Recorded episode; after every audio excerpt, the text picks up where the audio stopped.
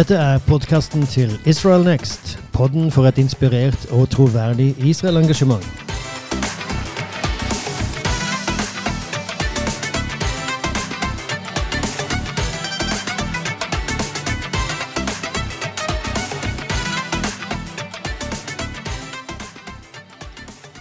Jeg heter Roar Sørensen, og med meg i studio har jeg Alette Sørensen. som vanlig. Og Alette, nå er det virkelig sommer på gang, og sola skinner, og varmen har kommet, og eh, ferien skal snart begynne. Og det blir vel litt annerledes i år, tenker jeg.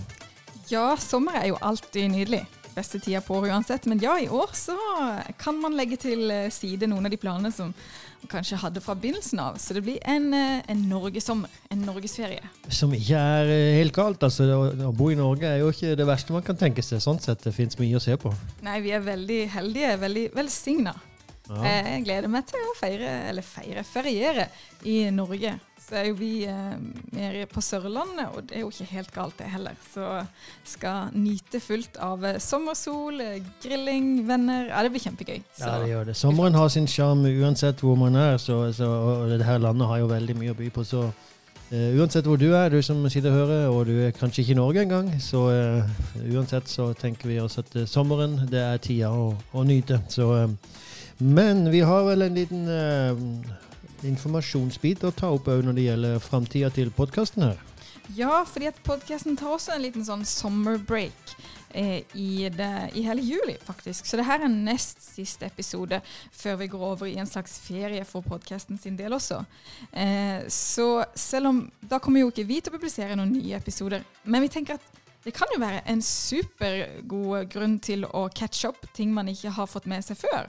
Hvis man kanskje kom inn i og fikk med seg denne podkasten etter hvert, og ikke hørt de første episodene, så kan det her være en sånn superduper stund til å bare ta og høre de gamle episodene, som fremdeles er veldig aktuelle. Vi tar opp temaer som, eh, særlig på zoom out-delen, da, som er Exakt. Viktige å få med seg selv nå etterpå de episodene har blitt publisert noen uker siden. Ja, det finnes jo eh, nyhetsbiter på de fleste eh, av eh, disse podene, men, eh, men nyhetene faktisk i Israel de kommer igjen. Det er visse temaer som kommet igjen under alle disse månedene som vi holdt på.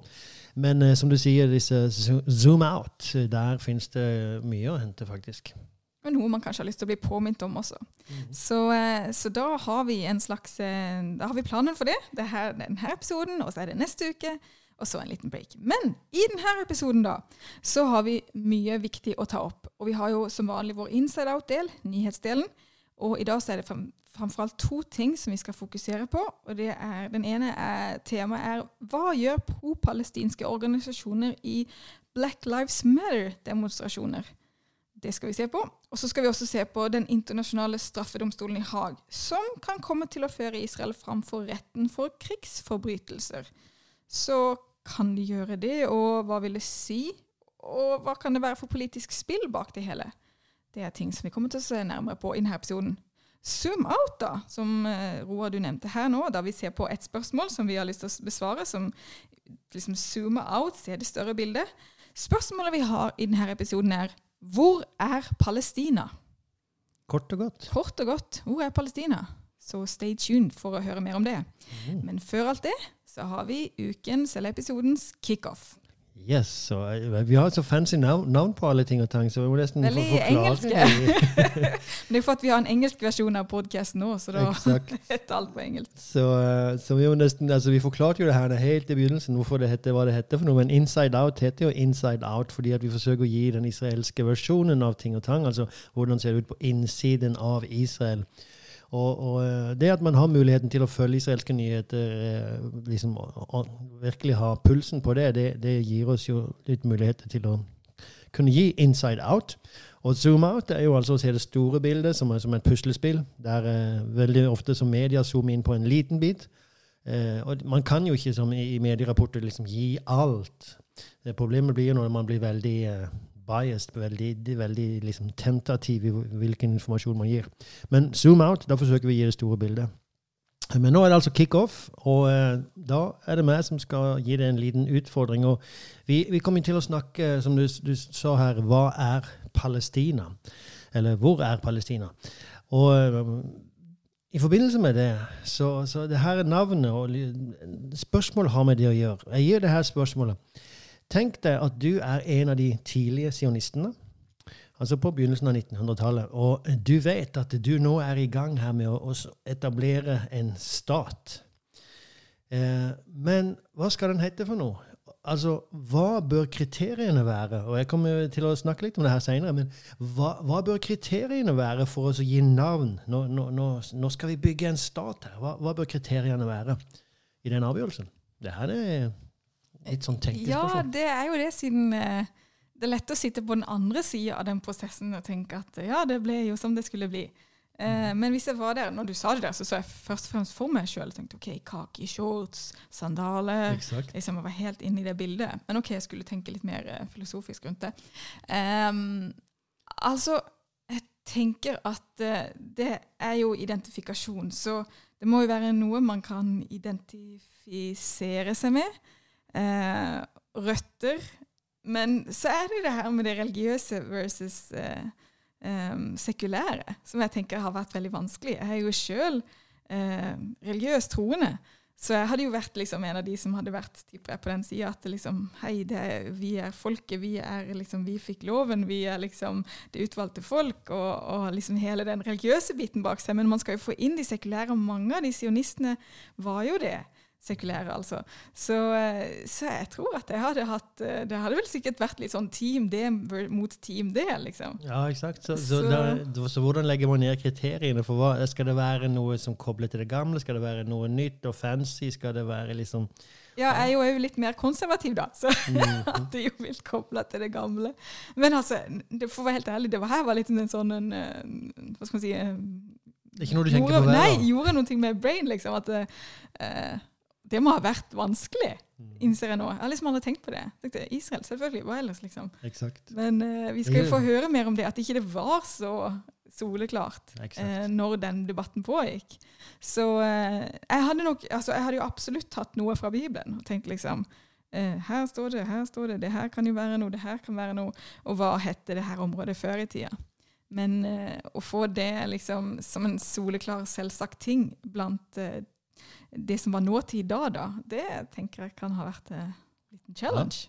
Ja, ja vi får uh, se hvordan de løste det ja, akkurat. Var, nå blir jeg litt sånn Ja, wow, for en oppgave. OK. Eh, vi går over til nyhetene Inside Out. Og der hadde vi to store temaer. Ja, og det, det fins jo mange flere temaer. Altså det, dette her som har med annektering å gjøre, det er jo et stort tema i Israel eh, hver dag nå. Men vi har allerede snakka om det, og vi kommer til å snakke om det mer. For det er jo et stort tema som kommer opp den 1. juli. Det er jo datoen som Netanyahu har satt til å begynne prosessen av annektering. Men, eh, så jeg skal ikke gå inn på det. Det finnes òg eh, rykter om nyvalg eh, som hele tida pågår, fordi at denne koalisjonen som finnes akkurat nå, den er veldig altså, den er veldig spretig, heter det på svenska. iblant så, så, mister man orda her liksom på norsk. det går på engelsk, norsk, svensk og litt hebraisk innimellom. Men den, den går i alle retninger, kan du si. Så eh, de, de, har litt problemer med å holde, holde koalisjonsenhet. Men det vi skal snakke om, er altså eh, hva har det seg, hvordan har det seg at uh, palestinsk-arabiske flagg, altså PLO-flagg, uh, dukker opp i disse demonstrasjonene som er, pågår i USA med Black Lives Matter. Uh, og det overrasker ikke, for de, de, de, som har fulgt med på denne konflikten med altså palestinsk-israelske konflikten der, der, der har de dukka opp. Eh, eller så, så, så, vet man at disse flaggene dukker opp på de mest merkelige stedene. Eh, nå har de dukka opp der. Og eh, BDS-bevegelsen, som ikke vi har snakka noe spesielt om, men det, det, står for Boycott, Divest and Sanction. Og det er altså en pro-palestinsk eh, bevegelse som er, eh, er vel verdensvid, kan man si selv om den ikke har så enormt mye støtte, men den er godt kjent. Eh, og den, den vil gå ut på altså boikotte Israel, divest, altså avskjære, eh, kutte eh, økonomiske investeringer, og sanksjoner mot Israel. Oppmuntre til dette da, verden rundt. Den er veldig engasjert i denne, disse demonstrasjonene som pågår der borte, og forsøker å ri på samme bølger da, for å få anti-israelske supportere samtidig. Og Blant annet da, så har uh, det som kalles The Palestine Museum of the US altså Det finnes et, et uh, sånt museum i USA. Uh, og de publiserte da en sånn her politisk uh, karikatur der George Floyd ble vist med en kefir, altså det her svart-hvite skjerfet, sjalet, som palestinske arabere ofte bruker. Han hadde det rundt halsen, og bak han så var det her PLO-flagget, altså det som mange kaller det palestinske flagget. Og så sto det 'Sammen står vi imot urettferdighet'. 'United against injustice'. Så her ser man altså hvordan de forsøker å koble temaene. Og det måten som de gjør det på, altså den, den tenkte koblinga som de lager seg, det er bl.a. det her som vi kanskje nevnte tidligere, at visse av disse politimennene i USA har blitt trent i Israel. Derimot har det jo vist seg at det har ingenting med trening for uh, å ta hånd om opprør på gater å gjøre. Det hadde trening mot terrorister. Det var det som var det treninga. Men uansett, der ser man en kobling. Eh, også i, i, disse her ordene som man finner opp, altså undertrykkelse, eh, utnyttelse, ydmykelse eh, man ser, OK, det pågår i USA, det pågår i Israel. Vi er samme. Så kommer ordet apartheid, eh, rasisme, som henger med der kom inn. ok, Israel er en apartheidstat. USA, her pågår det apartheid. Eh, så um, I tillegg da så går det jo videre, så kommer imperialisme, kolonialisme Alt det her, alt nesten negativt man kan tenke seg, blir samla sammen i ei gryte. Og så sies det OK, det fins her, det fins der. Og Nå går jeg ikke inn i, detalj på liksom hvor mye av det virkelig fins her, og hvor mye av det fins der. Det, det, at det finnes i Israel, er helt bak mål. Uh, så det er ikke altså Det er ikke roter i virkeligheten. Og Jeg skal nevne det bare litt kort senere. Men, men, det som jeg vil fokusere på akkurat, akkurat nå, er at man bare kobler ordene. Uh, og på den måten så skaper man en, en, kobling i folks sinn. Så når man, når man, hører et spesielt ord, så kobler man det til Israel, man kobler det til USA. Og det er det som denne pro-palestinske bevegelsen har vært så enormt dyktig på. Det er derfor disse flaggene dukker opp så veldig mange plasser rundt omkring i verden. Så annet ordet apartheid har de jo nå tatt til seg. Så når folk i dag snakker om apartheid, så tenker man kanskje ikke først og fremst på Sør-Afrika, men man tenker på det som pågår i Israel, Palestina, palestinske selvstyre. Uh, og Det er en, en, en, sak som et ord som de har kobla. De har faktisk også tatt ordet nazister og liksom eh, den her lidelsen som jødene gikk gjennom, og tatt den til seg og kalle Gaza for en konsentrasjonsleir. Så man forsøker liksom å identifisere seg med lidelse som fins overalt, og så si OK, fins det lidelse der, så fins det lidelse her. Lidelse er lidelse. Alt er samme sak. Og eh, det, det er det jo faktisk ikke, da. Men eh, det er måten, det er måten som man skaper denne her eh, koblinga på. Og bare to korte observasjoner da er altså lidelse er ikke lidelse. Det fins forskjellige årsaker til at det fins lidelse. Og nå, nå, går, nå sier ikke altså, For det fins virkelig lidelse, selvsagt, eh, blant svarte i USA. Og det fins virkelig lidelse blant palestinske arabere. Det er, ikke, det er ikke det som egentlig er temaet her. Eh, men det fins ulike årsaker til hvorfor folk lider. Og det fins bl.a. folk lider pga. at de blir utnytta andre lider fordi at uh, det har vært tørke i landet. Visse lider fordi at det har dårlige ledere. Det, det fins masse årsaker til at det fins lidelse. Og man kan liksom ikke bare si at ok, det fins lidelse her, det fins lidelse der. Vi er samme sak. Og jeg våger å påstå at uh, palestinske arabere da, de lider veldig mye pga. sine egne lederes dårlige avgjørelser. Eh, det er ikke først og fremst Israel. Så det er den ene sak. Lidelse er ikke lidelse. Det fins forskjellige former for lidelse. Det betyr så, så, så, klart eh, at uansett så skal man ha sympati med folk som lider. Men man må jo se på hva er årsaken til det. Liksom, man kan ikke liksom eh, bare si at det, det fins én årsak til all lidelse. Det andre jeg vil si, det er denne, denne observasjonen som jeg vil gi, er Veldig ofte så tenker man seg at hvis noen er svake, da er rettferdigheten på deres side. Weakness means justice. Og sånn er det faktisk ikke. Det har, det har blitt sånn i hvor, spesielt i den vestverden, der at the underdog, altså han, han, som ligger under, han som er svak, han må være den som er den moralske høyere parten. Og det fins absolutt ingen automatikk i det. Så det fins et par konsepter her, et sånt tankemønster som vi behøver å bryte ut av. Eh, og det palestinske arabiske om man skal kalle det propagandamaskinen, for det er faktisk hva det er. Men de sprer en masse halvsannheter og løgner. Eh, den har vært veldig dyktig på å koble seg til sånne fenomener som finnes rundt omkring i verden, og sagt at alt sammen er samme sak, og vi eh, er den moralske høyere parten i denne her. I alt det her så er det så klart fullstendig, et fullstendig forakt for fakta og for historie. Eh, og bare, altså man, man, kan ta noen enkle spørsmål, men, men eh, veldig ofte så sier man jo at lidelsen blant palestinske arabere kommer ut av okkupasjonen, såkalte okkupasjonen. Og eh, da, da, får man jo i alle fall gå og spørre seg ok, hvordan oppsto denne her såkalte okkupasjonen. Uh, og Den går tilbake da til 1967, sånn som de sier det. Iblant så sier man jo 1948, men la oss si 1967. Seksdagerskrigen. Uh, når Israel fikk kontroll over Judea og Samaria. Og, uh, men hva, hva, skjedde der og da? Jo, Israel ble angrepen av flere arabiske nasjoner. Så da får man jo spørre seg ok, hvor er, hvis det her er lidelse er lidelse, hvis det er på samme nivå, da bør jo oppkomsten til det hele være på samme nivå. Hvor er armeene til de svarte afrikanerne, amerikanerne? Hvor er de sine armeer? Hvor er de sine terrorgrupper? Hvor er de sine diplomater? Hvor er de sine milliarder i økonomisk støtte som de mottar fra verdenssamfunnet? Altså det, det, er så forskjellige situasjoner som vi snakker om her, at det, det går ikke på en, noe som helst måte å bare liksom dra disse ordene, sette, klistre de to ord på, samme, på de to gruppene og si det samme sak. Så uh, man må virkelig Historie er så viktig. Hvis vi skal forstå verden i dag, så må vi kunne litt historie. Så en fullstendig forakt for fakta. Um, en annen sak er som, som, eh, når det gjelder historiske fakta, det er så klart å uh, forakte da, eller fornekte den jødiske koblinga. For uh, når, når, de palestinske araberne sier at vi er her, og vi har blitt undertrykt, og vi er det originale befolkningen i landet her, så er jo det jo en, en undertrykkelse av altså virkelig tunge fakta historisk, av historiske bevis.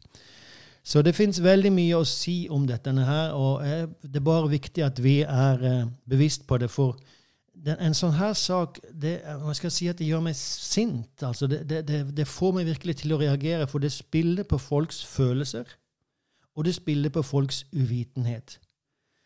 Det er to, to saker som, som det, her, altså det her bildet som det her museet Det er interessant at det er det Palestinian Museum uh, i USA som kommer med denne her kefir-kledde George Floyd. Eh, for et museum er jo absolutt de som skal bringe fram det historiske, det historiske fakta. Men de, de gjør absolutt det motsatte. De forvrir fakta. Og disse her, her denne tegninga, da, den spiller på folks følelse. Fordi at man, man skaper denne koblingen mellom Israel og USA. Og den negative følelsen der. Og det spiller altså på folks uvitenhet. At folk har faktisk ikke de har ikke motivasjon nok veldig ofte til å gå inn og sjekke fakta i dette. her. Og pga. at man kan utnytte folks følelser og uh, uvitenhet, så forfører man store deler av befolkningen. Så uh, det var en viktig sak å ta opp denne uka pga. Uh, at det virkelig har spredt om seg, akkurat det her. Bruken av Eller kombinasjonen av Black Lives Matter og uh, Free Palestine, som det ofte da går under. Det var den første saken jeg ville si litt om. Den andre saken som vi skal ta opp her, er altså uh, den internasjonale straffedomstolen, International Criminal Court, som da overveier å åpne rettssak mot Israel for, for krigsforbrytelse. Og etterforske Israel for krigsforbrytelse. Og det her er jo da på en forespørsel fra The State of Palestine, altså staten Palestina. Igjen, det blir jo vanskelig når man, man snakker om det her. For, for, en del så er det opplagt at det, det finnes sånn, en sånn sak, en palestinsk stat. For, for andre, som meg sjøl, så er det opplagt at det ikke fins. Eh, la meg bare si det at det, det fins 120-130 land i verden som har eh, anerkjent en palestinsk stat. Så å si at den fins, er ikke helt uten, uh, uten grunn. Men eh, igjen, det er en veldig politisk erkjennelse, og jeg skal si noen få ord om det litt seinere. Men uansett, pga. det her da, så eh, overveier nå straffedomstolen å føre Israel for retten. Bare for å si noen få ord om ICC, som det oversettes, eh, forkortes uh, International Criminal Court, så ble den etablert i 1998. Uh, Israel og USA blant annet Hva heter det nå? Røsta? Stemte imot eh, den her, pluss flere fem andre land som stemte imot. Det var flere andre land som avsto fra å stemme. Eh, men i dag så har altså ICC har 123 eh, medlemsstater. Det fins 18 dommere som sitter i denne domstolen, og de sitter alle for ni år av gangen. Så byttes de ut av periodevis. Eh, de, de blir stemt inn av medlemsstater. Og eh, de stemmes òg inn ifølge altså i, i, overholdelse med disse geografiske gruppene som FN har oppretta. Så det fins en kobling. Det er jo FN egentlig som oppretta denne, her, eh, denne domstolen, selv om den i prinsipp skal være da frittstående. Eh, men det fins en virkelig sterk kobling til FN i det hele. Um, ICC, da, de har bare straffedomstolen. De har bare eh, lov, lov, til å dømme nasjoner som er medlemsstater. Og lov til å etterforske nasjoner som er medlemsstater. Sånn er prinsippet. Eh, Israel er som sagt ikke medlemsstat, så hvordan kommer det seg at de allikevel gjør det? Vi skal komme til det ganske, ganske snart. Men de kan bare uh, etterforske så sant denne aktuelle nasjonen da ikke gjør det sjøl. Så sant det ikke finnes et fungerende rettssystem i den nasjonen som man tenker seg at man vil etterforske, og hvis det er virkelig alvorlig, et virkelig alvorlig overgrep, eh, og hvis de blir, denne saken blir ført fram eh, for dem, eh, altså via, via FN, det, det, det, er en tredje variant. Da, da kan de òg dømme eller begynne å etterforske den hvis FN bringer denne saken til dem. Ok, Så det palestinske selvstyret er da ingen stat, som jeg har sagt, selv om eh, det finnes et stort antall nasjoner som har, eh, som har sagt at de eh, erkjenner denne såkalte staten. Det finnes fire kriterier for hva som utgjør en stat. Jeg skal ikke gå inn på eksakt hva de er, men et av de er at de må ha full kontroll. De må ha kontroll over det territoriet som de sier seg, og der staten sies å finnes. Og det er jo bare der så faller det palestinske selvstyret. De har faktisk ikke kontroll på det territoriet de sier seg å kontrollere, eller det sier seg å tilhøre den palestinske staten. Og selv det, hvilket territorium som tilhører de, er en stor debatt. Det er faktisk et tema for forhandlinger. Um, og ettersom Israel da ikke er et medlemsstat av straffedomstolen, så har altså de ingenting der å gjøre. Men uh, uh, Straffedomstolen mener annerledes, og det er eh, Fatah Bensouda, Fatou Bensouda som er nå leder for denne domstolen. Og hun har sagt at vi anser at eh, Palestina er en stat. Og ettersom overgrepene, de påståtte overgrepene har funnet sted på deres territorie, altså man mener da Judea Samaria, så har de eh, rett til å bringe dette her fram for oss. Så det er der vi står nå. Altså, straffedomstolen mener at Palestina har rett til å føre det her fram for uh, domstolen, og at Israel derfor kan risikere, israelere kan risikere å bli straffetiltalt. Eh, så denne eh, etterforskningen har ikke kommet i gang. Det er fremdeles eh, sånn her for, forberedelse på gang. Men for Israel så er det her veldig viktig, for det har en veldig symboleffekt. Selv om det kanskje ikke kommer til å få en veldig praktisk effekt, så har det en veldig symboleffekt. Og, og det er jo akkurat det som det palestinske selvstyret er ute etter. Det her er et propagandaspill igjen, der man forsøker å diskreditere Israel. Man forsøker virkelig å vise at Israel er en illegitim stat. En ikke-legitim stat, eh, en overgriper osv. Så, videre. Så det er et stort politisk spill som ligger bak det her. Og ettersom jeg sa at FN da var sterkt involvert i opprettelsen av denne straffedomstolen, så for den som kjenner til litt om FN, og det er nok et tema for en seinere podkast, så, eh, så vet man at FN er utrolig fordomsfull mot Israel.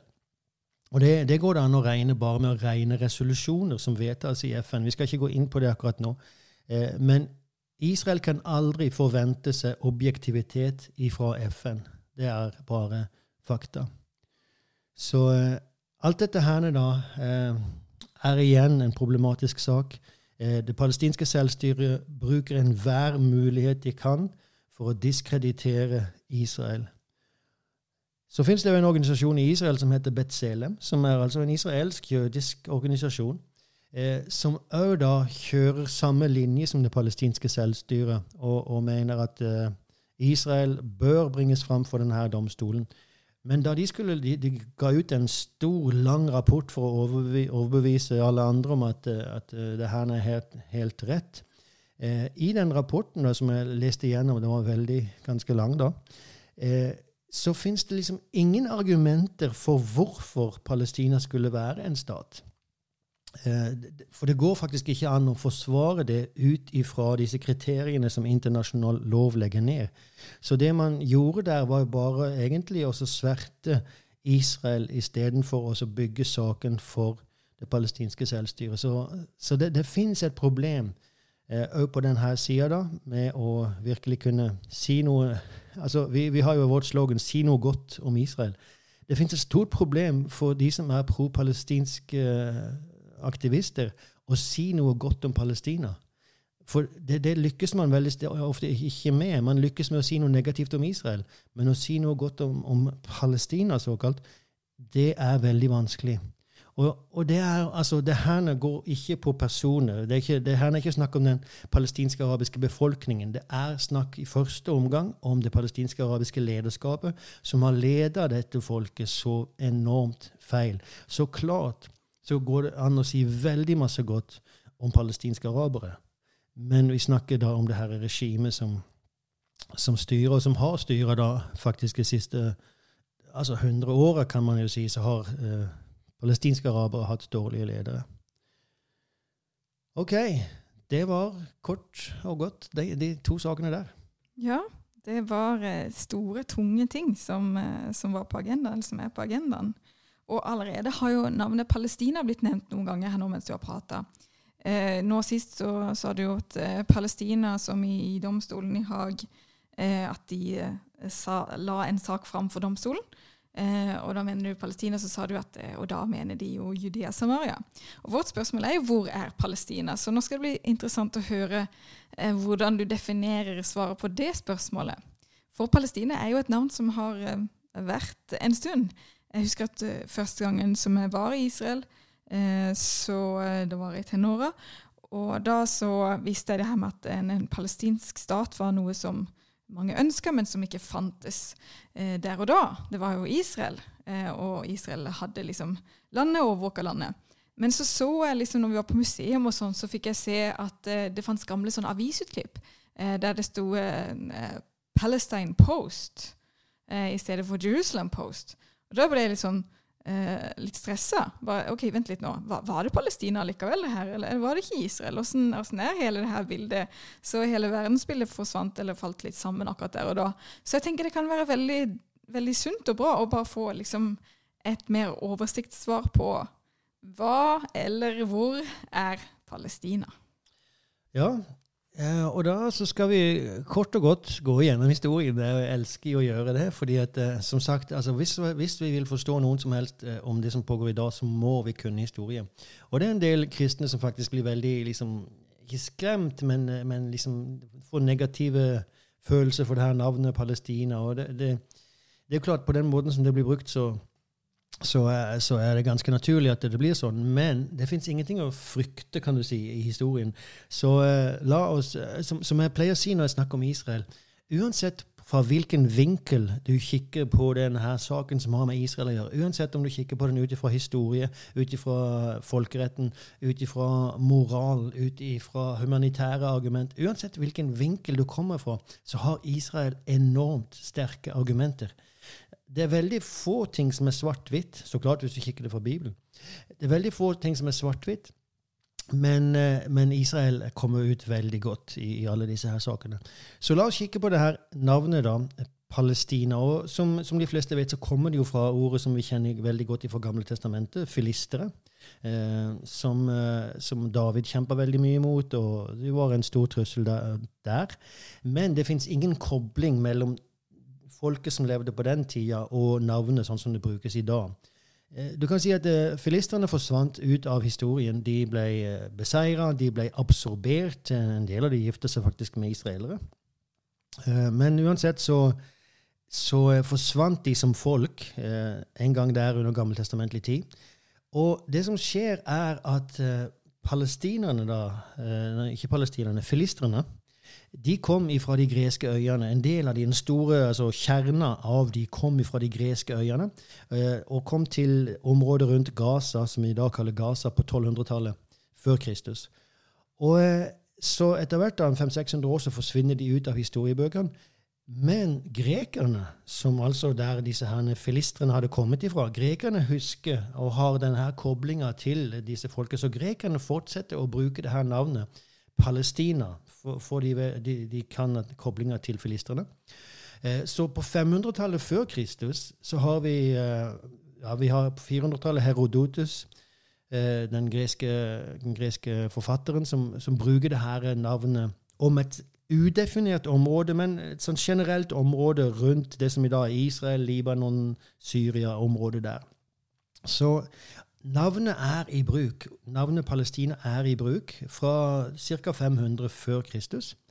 Men det er helt eh, ganske udefinert. Det fins ingen faste grenser for denne, dette området.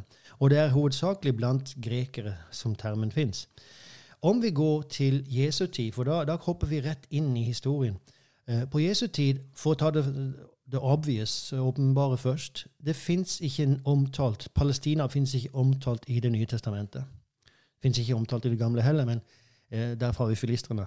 Men det fins ikke omtalt i Det nye testamentet, hvilket man skulle tenke seg at det burde være hvis det her greske bruken var veldig utbredt. Så på den tida så kalles jo Herodes, når han regjerer, Herodes den store, så kalles det, det altså Judea. Kongedømme heter det på hans tid. Um, så Samtidig så brukes jo navnene Judea, Samaria, Galilea. Så kommer de romerske navnene Dekapolis, Idumea fra Edom osv. Eh, og alt det her ligger veldig ofte under Syria. altså Etter at Herodes eh, sitt rike blir delt opp, så etter noen få år, det er faktisk 30 år, så, så forsvinner de rikene, Herodes eh, den store sine rike. Så på 30-40-tallet etter Kristus så blir alt det, alt det her området da, som var Judea, Herodes Judea-kongeriket, blir en del av Syria. Det blir en, en del av den romerske provinsen Syria. Og så finnes det underdistriktet, da. Og sånn er det da fram til, eh, til Hadrian på, på andre århundre, 130-tallet. Så har vi keiser Hadrian. Og han da, etter et av disse mange opprørene som jødene satte i gang, så blir han veldig trøtt på, på disse jødiske opprørene og tenker seg nå skal vi gjøre slutt på det her en gang for alle. Så han eh, gir et nytt navn til hele området. Han setter da navnet Palestina på det her som kaltes Judea. Ehm, så eh, Palestina og Jerusalem blir jo da fullstendig ødelagt og oppbygd igjen som en ny by med et nytt navn. Og jøder får ingen tilgang til denne byen, som da heter Aelia Capitolina. Så det her er Hadrian. Så det, det, er der vi får et formelt område for første gang med spesifikke grenser som kalles Palestina.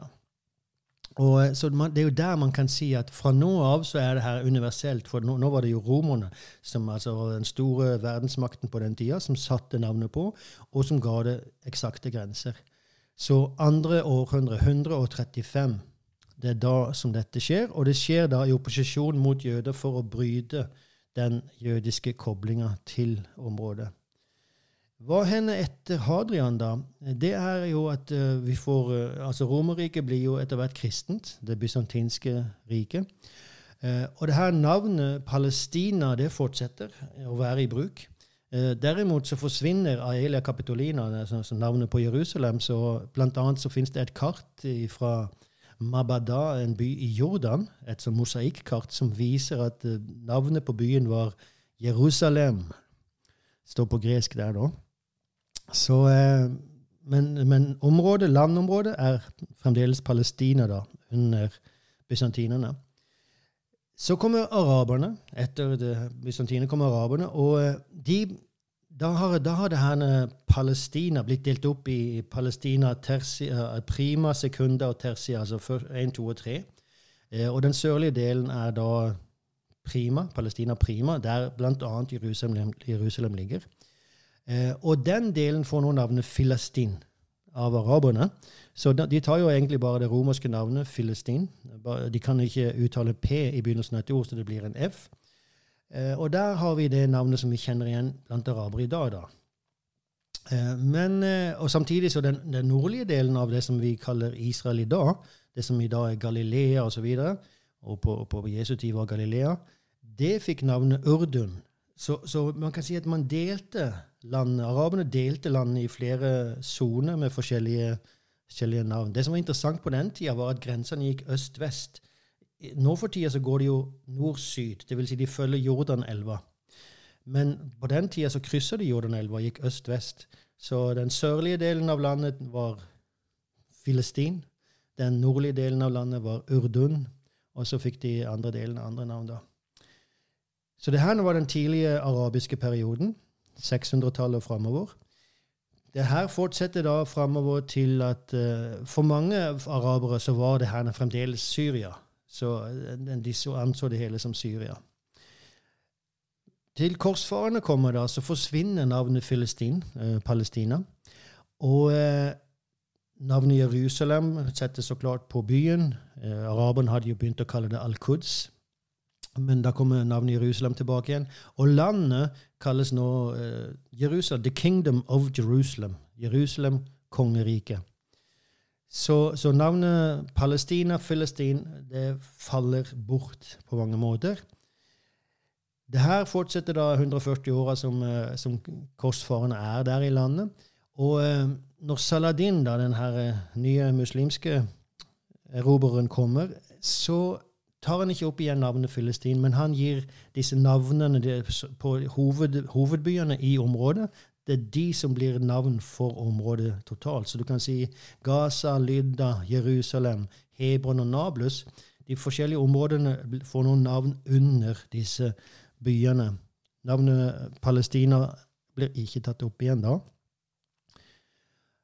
Og det fører oss fram til ottomanerne eh, tyrkiske herskerne som, som regjerte fra 1500-tallet til 1900-tallet, altså 1517 til 1917.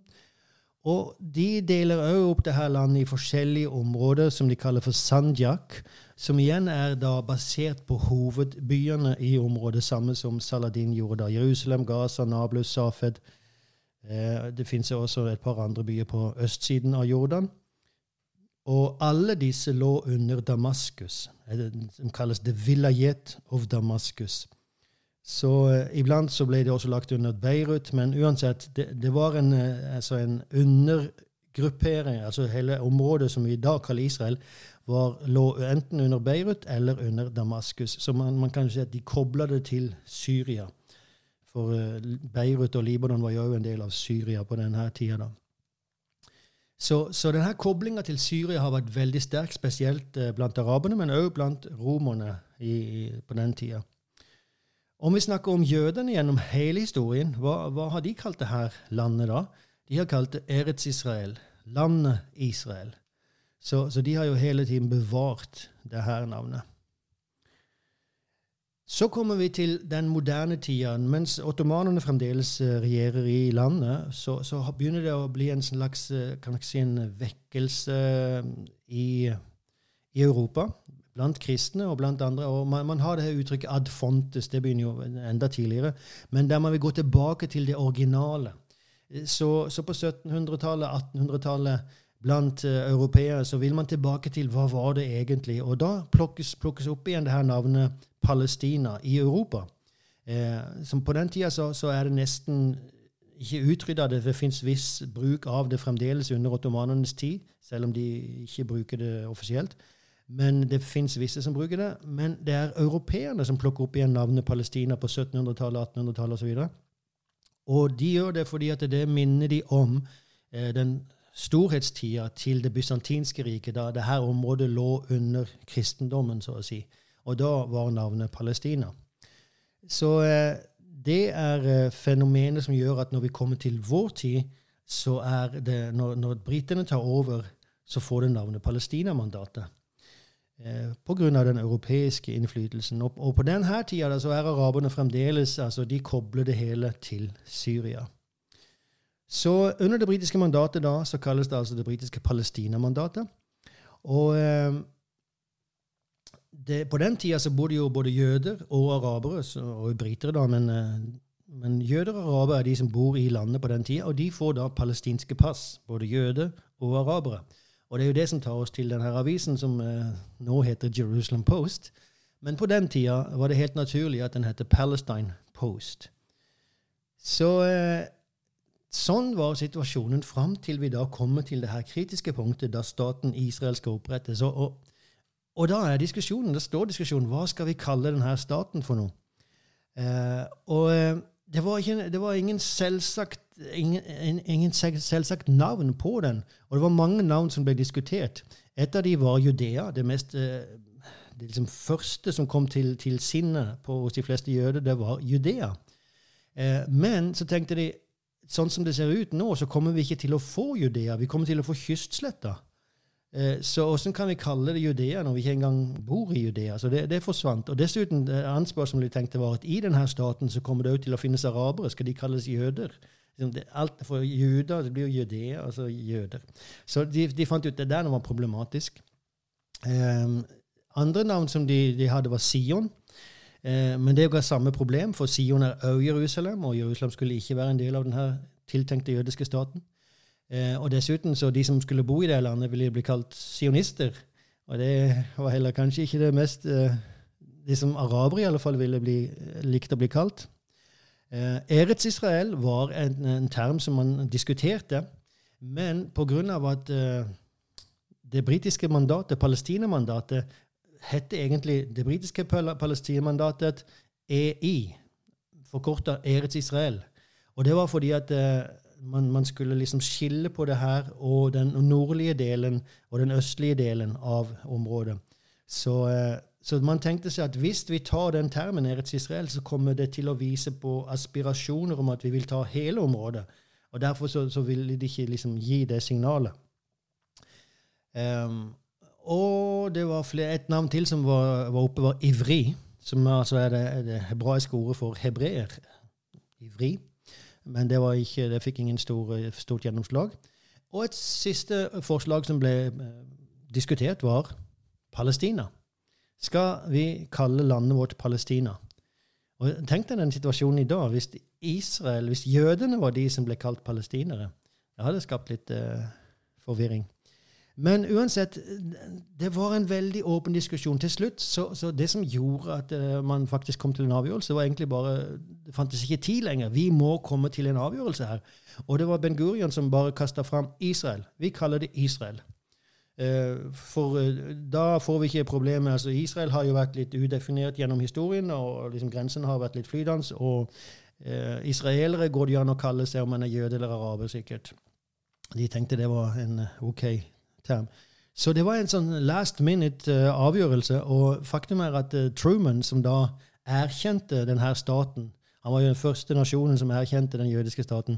Eh, på, den, på, den, lappen, altså det her eh, dokumentet, det er jo faktisk bare en liten papirlapp, så hadde noen skrevet på maskin da eh, at det, den her, eh, de ordene som han skulle uttale når han skulle erklære etter USA støtte og erkjenne denne staten. Og der så sto det da 'den nye jødiske staten'. The New Jewish State. Og, og det var fordi at man visste ikke hva den skulle hete for noe. Så eh, da, til slutt så var det noen som strøk over The New Jewish State, og så kalte de det State of Israel. Så det står for hånd da på denne lappen State of Israel. Så det var en sånn virkelig eh, avgjørelse som ble tatt i siste sekund. Så i dag så er det jo sånn at uh, det finnes et museum om når Israel blir oppretta i Tel Aviv, og, og disse her ordene Anu machrizim basot al hakamat medina yehudit be'eretz Israel, hi medinat Israel. Det er en setning som alle jøder husker igjen, og det er David Ben Gurion når han altså utlyser den jødiske staten. Og det han sier, er altså Vi uh, erklærer ved dette etableringen av en jødisk stat i Eretz Israel. Det er jo det, det, er liksom det geografiske området som de kaller det. Men den skal bli kjent som staten Israel. Så det var uh, det. Så hvordan, da må vi jo bare svare på spørsmålet, hvordan har det seg at du i dag kaller uh, altså palestinere at det finnes en palestinsk stat osv.? Og vi bare tar det veldig kort nå. Men uh, de uh, kom uh, Det her er en prosess. Den, den, begynte jo ikke Det er ikke sånn at du kan si at det begynte på den datoen der, og så fra og med da så kaller seg palestinere. Absolutt ikke. Det var en lang prosess som pågikk en hund, nei, ikke 100 år, men en 50 år. Fra ca. århundreskiftet 1900-tallet og fram til det på 1960-tallet ble mer og mer akseptabelt at man kalte seg palestinere.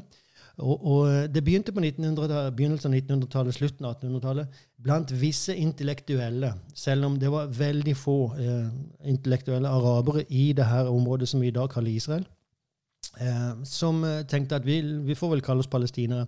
Men eh, de fleste kalte seg syrere.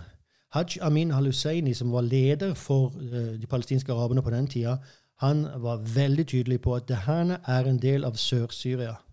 Så det var hans agenda. Eh, men eh, etter staten Israels opprettelse så forstår man at man kan bruke denne termen for politiske hensikter. fordi at da kan man gi inntrykk av at nå har det kommet en jødisk stat, Israel, israelere, Israel, eh, og tatt over området der det før var Palestina. Så vi er de opprinnelige. Vi er palestinere.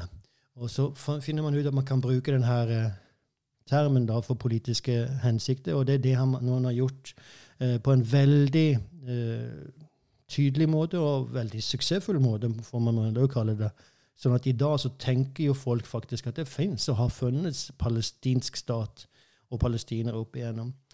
Eh, så det er jeg veldig, veldig ofte, eller nesten alltid når jeg snakker om dem, så snakker jeg som palestinske arabere, for det er faktisk arabere. Eh, det, det, her er ikke for å forringe identiteten til disse personene eller forringe verdien til disse personene. Det er bare for å være historisk eh, accurate, altså eh, nøyaktig. Så hvis man bruker den termen som den brukes i dag, så skaper man faktisk veldig mye forvirring og veldig mye historiske unøyaktigheter. Så det var det. Da skal vi over til bibelverset.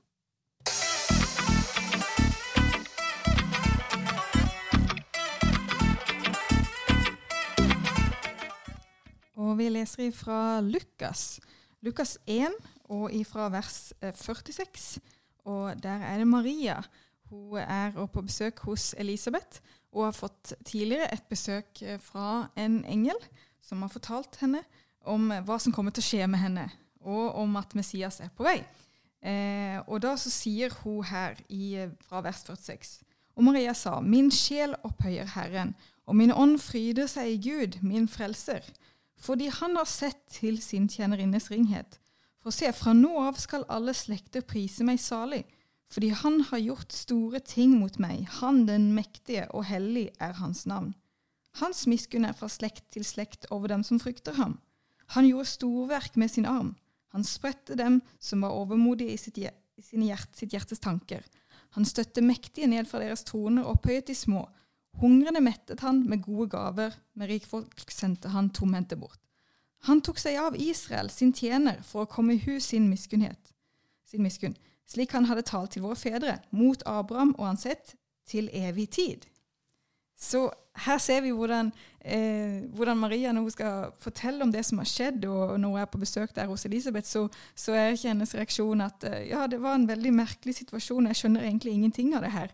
Eh, hun gjør med en gang liksom koblingen til eh, de løftene som, eh, var, som kom til våre fedre, eh, og fra Abrahams tid. Altså Hun gjør liksom den koblinga med en gang da, og peker på, på Gud, og at han, han, holder sine løfter, at han er trofast, og de tingene der. Eh, så det er så kult å se hvordan eh, Gud da bruker eh, hva skal vi si, vanlige mennesker for å da holde de løftene og det, utvalgte, det med utvalgte folk, og den frelser, som, eh, frelsning for alle folk da, som han hadde planlagt fra langt, langt tilbake. Og jeg tenker også når vi hører om det her med Israel og navnet, og det, det høres jo ganske så merkelig ut når vi hører ja, det var i siste liten at det også fikk de navn. og liksom, Veldig menneskelig på en måte. Men midt i alt det der så var det Gud som, som hadde en plan. Så Gud jobber med oss eh, mennesker. Eh, som har våre liksom, hva skal Vi si, vi har våre svakheter, men, men, Gud har den store oversikten, og Gud har kontroll. Det er så kult å se. Det, det er jo det som er så fantastisk, at, at Gud faktisk samarbeider med oss. Vi har, vi har blitt hans samarbeidspartnere. Eh, ikke fordi ja, jeg Faktisk vet jeg ikke hvorfor, de, men han valgte å gjøre det sånn. Ja. Og, og, den kombinasjonen er jo så unik, fordi at uh, vi er jo liksom så full av feil og mangler, og han er altså perfekt. Men likevel så, så, har han valgt å gjøre det på denne måten. Så det er fantastisk. Og oppmuntrende. Så Exakt. med de oppmuntrende ordene så vil vi avslutte denne episoden. Og takke veldig mye fordi at du har vært med oss i de her eh, minuttene vi har hatt nå.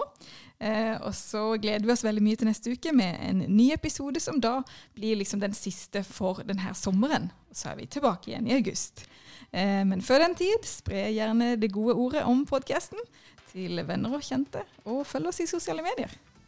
Absolutt. Gjør det. Og um, som sagt, det brukt sommeren til å høre på gamle podkast. De, de, er jo ikke så gamle, skal jeg si. Og som sagt, mye av materialet er fremdeles relevant. Ja vel, da vil vi bare avslutte som vi alltid gjør, med disse ordene Si noe godt om Israel.